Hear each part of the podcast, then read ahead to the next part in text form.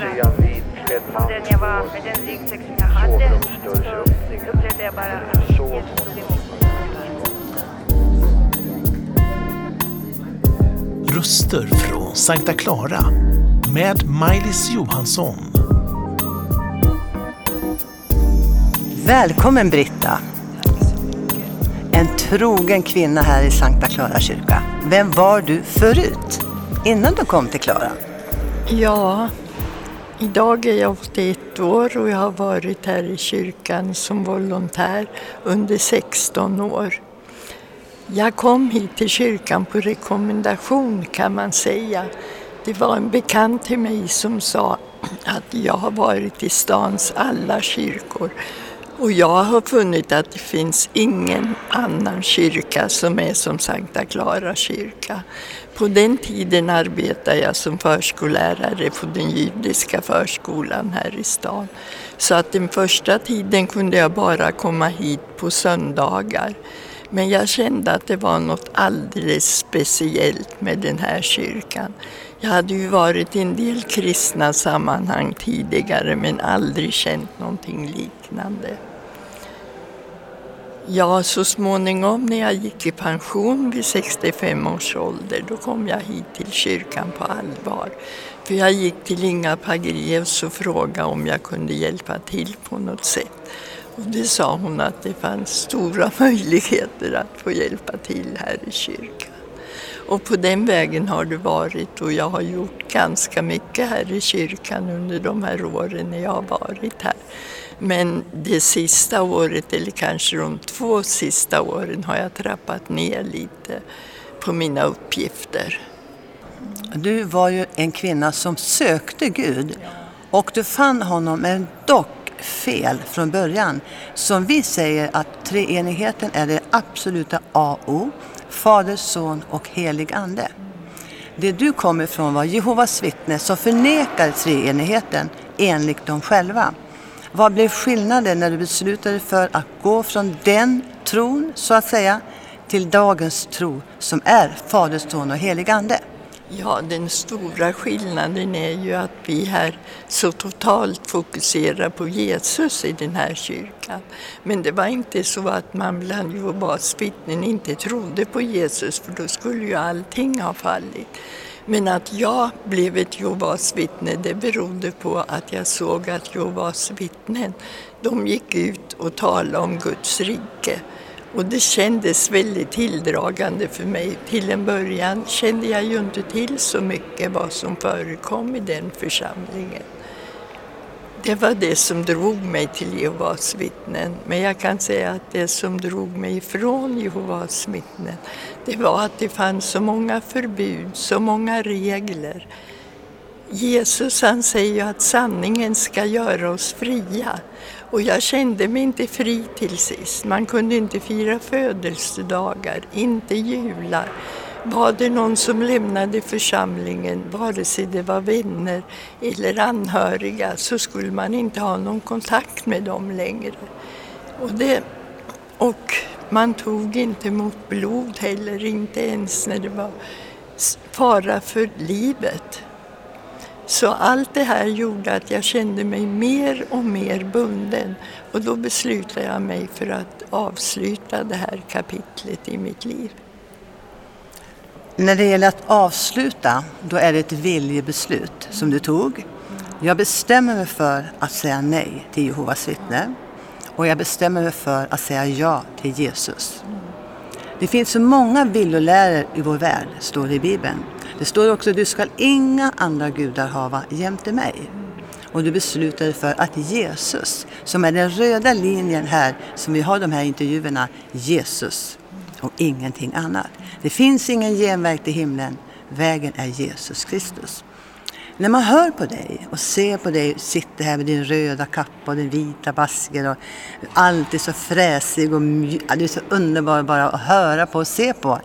Då ser man att du har blommat ut, heter det. Man blommar ut. Det här fröet som du fick när du tog emot Jesus har växt och det bär frukt i ditt liv. Jesus är trädet och vi är grenarna. Din, dina grenar är ganska många. En gren som jag vill att du ska presentera är att du har haft bön, bönegrupp många år. Berätta hur den började. Ja, det var ju så att jag var med i en bönegrupp där det fanns andra bönegruppsledare. Det var två damer som var ledare. Så hoppade först den ena av och så småningom den andra också för hon blev sjuk. Och de frågade mig om jag ville bli ledare då. Och till en början så var jag bönegruppsledare tillsammans med en man men han flyttade härifrån ner till Skåne vill jag minnas att det var. Så då blev jag ensam ledare för gruppen och då har jag ju varit i minst tio år. Men nu har jag fått en medhjälpare på senare tid. Du ser det att eh, du sa ja till Jesus och då kommer han vår svaghet till hjälp. Så fick du också en medarbetare. Det som har fascinerat mig med dig är din trohet. Du är med på gudstjänsterna, du är bedjare, du är lyhörd och du vill ha äkta vara. Gärningslära, den lämnade du. Det är inte på grund av gärningar, det vet både du och jag, utan tro på Jesus Kristus. Vad gör du annars än att du har bönegrupper så här? Vad är det som du verkligen kanske har drömt om? Har du blivit uppfyllt någon dröm i ditt liv? Brukar vi fråga på den här serien. Ja, det är väl i så fall att jag har kunnat hjälpa de allra minsta här i vårt samhälle ibland. Det gäller till exempel flyktingar när mina döttrar inte hade något behov av ett extra rum hemma hos mig så upplät jag det till flyktingar.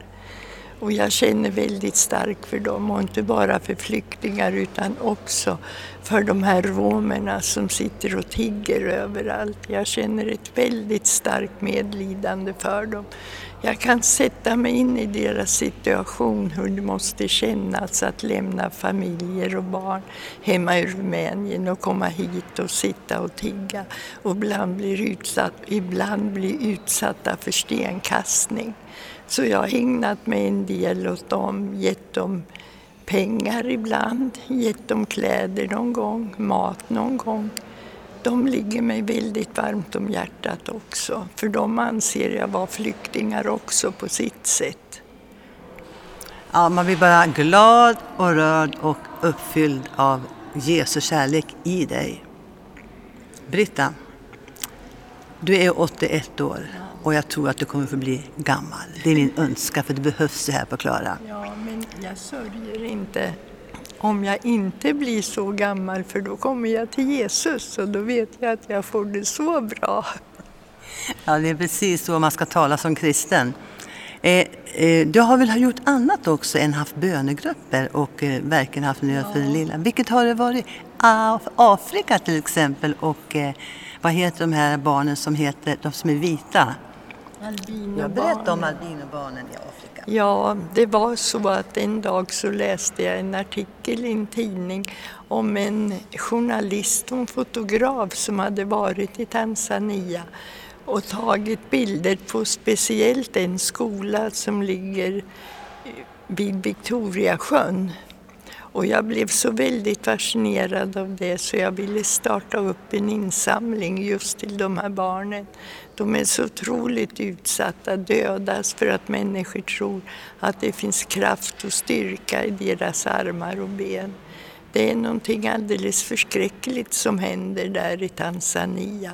Men jag är väldigt glad å andra sidan för jag har hört att nu finns det en äldre man som själv är albino. Han reser omkring i Tanzania och berättar om deras situation. Så jag har hört att de faktiskt har fått det lite bättre.